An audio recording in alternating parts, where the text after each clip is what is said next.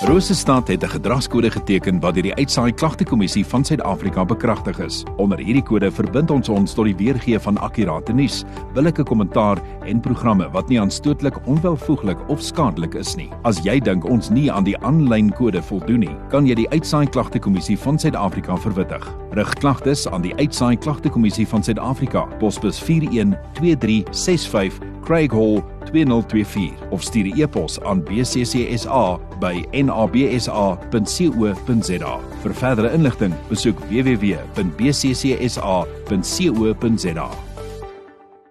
Op die lyn het ons dan nou ook van Eskom het ons vir Stefanie Jansen van Rensburg. Hoe gaan dit met jou vandag so Stefanie? Dit gaan uitstekend, dankie Sarah. En daai kant Nee wat? Ons ons kap aan. Ons kap aan. Dis 'n maandag, maar môre is Vrydag, so dis lekker. Ja. Dis die perfekte week.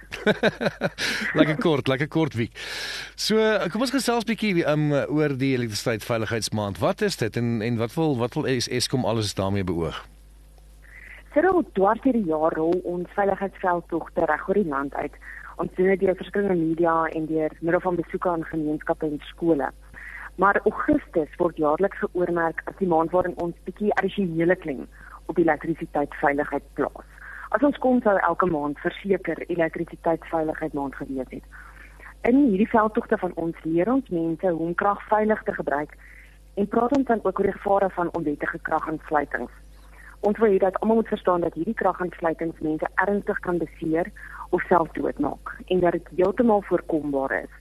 So deur 31 dae van die jaar spesifiek te fokus op veilige kraggebruik, maak ons seker dat ons voldoen aan ons doelwit om lede van die publiek ons werknemers en ons kontrakteurs veilig te hou. Ek dink die ding is ook eh, dis 'n goeie ding dat julle hierdie doen want jy weet ek bedoel van kleins af word baie mense geleer wat om nie te doen met 'n plug nie want elektrisiteit is 'n gevaarlike ding. Verstaan jy, moenie net goedjies daar aandruk en so aan nie. Maar daar's baie mense wat nie noodwendig daai tipe goeders geleer word nie. En uh, spesifiek nou die publiek en daar's kinders en uh, jy weet elke persoon gebruik tog krag elke dag. So hoekom sal julle sê is dit belangrik dat julle hierdie tipe ding doen? Terwyl jy heeltemal reg, van die dag wat ons gebore word tot die dag wat ons sterf, is elektrisiteit maar deel van ons lewe. So, hoewel dit nuttig en alledaags is, moet ons dit nooit as vanselfsprekend ervaar nie. Moet ons nie vergeet hoe gevaarlik dit is nie. So om veiligheidsbewus te wees is eenvoudig in ons almal se beste belang. As jy as 'n individu kragveilig gebruik, kan jy lewens beskerm.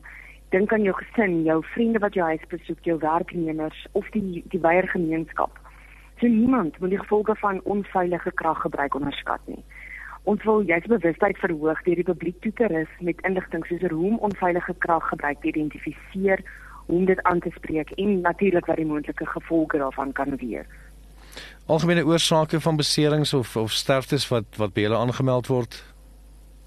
Die mees algemene oorsaak is natuurlik, jy weet, kontak met elektrisiteit en dit kan op verskillende maniere gebeur sit al een tipe kontak waar is waar 'n voertuig teen 'n kragpaal bots en die omstanders of die insittendes kom dan in kontak met die kraglyne.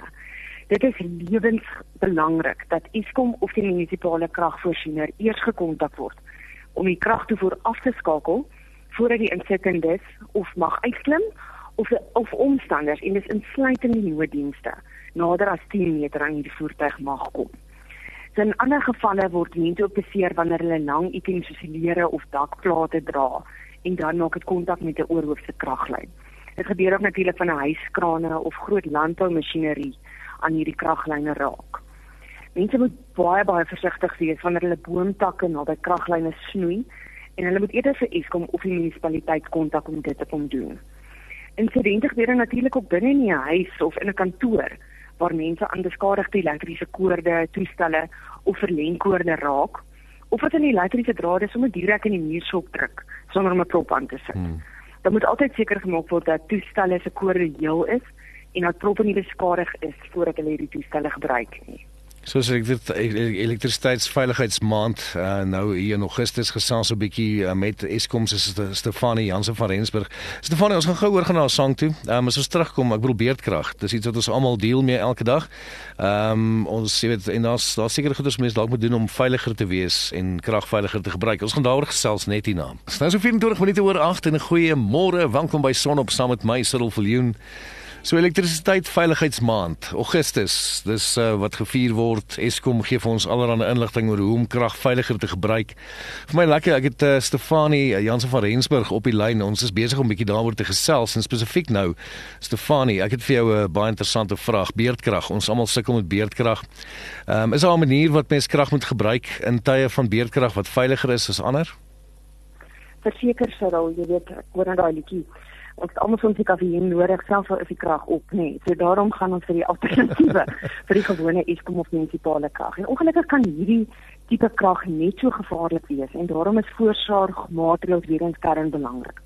Nou as dit by kragopwekkers kom, is daar vele gevare wat met die brandstof, die installasie ensovoorts te doen het. Maar die grootste gevaar is die koolstofmonoksied wat as 'n afvalproduk van hierdie kragopwekker vrygestel word. Nou die probleem met die koolstofmonoksied is dat dit kleurloos en reukloos is, maar dit is absoluut dodelik. So baie mense het al gesterf as hulle hierdie giftige gas ingeasem het, omdat hulle die kragopwekker in die huis of in 'n toevertrek soos in 'n motorhuis gebruik het. Om net die vensters en die deure oop te maak is net nie voldoende om hierdie gasse uit te laat nie. Dan natuurlik is daar kersse wat gebruik word om lig te verskaf as die krag af is. Dit klink voor die hand liggend dat kersse nie naby gordyne, komberse of ander vlambare materiaal geplaas word nie. Wat ook brand daar gereeld huise af omdat mense kers omgestamp of aanvergeet het. As daar parafin in die huis gebruik word, moet dan natuurlik ook doodseker gemaak word dat die kers nie naby die parafin gebruik word nie. Nog 'n probleem Cyril, is die gebruik van gasbottels wat mense sommer bo op die stoof sit om kos te maak. Nou soms was hierdie stoofplate nog aan toe die krag afgeskop het en verhit dit dan weer wanneer die krag weer aangaan met die krag met die gasbottel wat op die stoof staan. So die gevolg is uiteraard 'n ontploffing. Hmm. 'n Gasbottel moet dus nooit bo op elektriese stowwe gebruik word nie. Op dieselfde noot om mense ook mooi kop oor watter toestelle aangeskakel was voordat die krag afgegaan het en dit dan weer afskakel. Ek dink ons almal het al wakker geword met 'n lig wat in die middel van die nag aangaan in 'n kamer. So 'n mens vergeet baie maklik dat die oond of 'n verwarmer aan was. En wanneer die krag dan in die middel van die nag of wanneer jy in die tuis is en weer aangaan, word daardie toestel natuurlik 'n ernstige brandgevaar. Definitief. Stefanie, um, kom ons kom ons rond hierdie hierdie gesprek se bietjie af. Ek wil by jou hoor. Ons kyk nou net na die huis.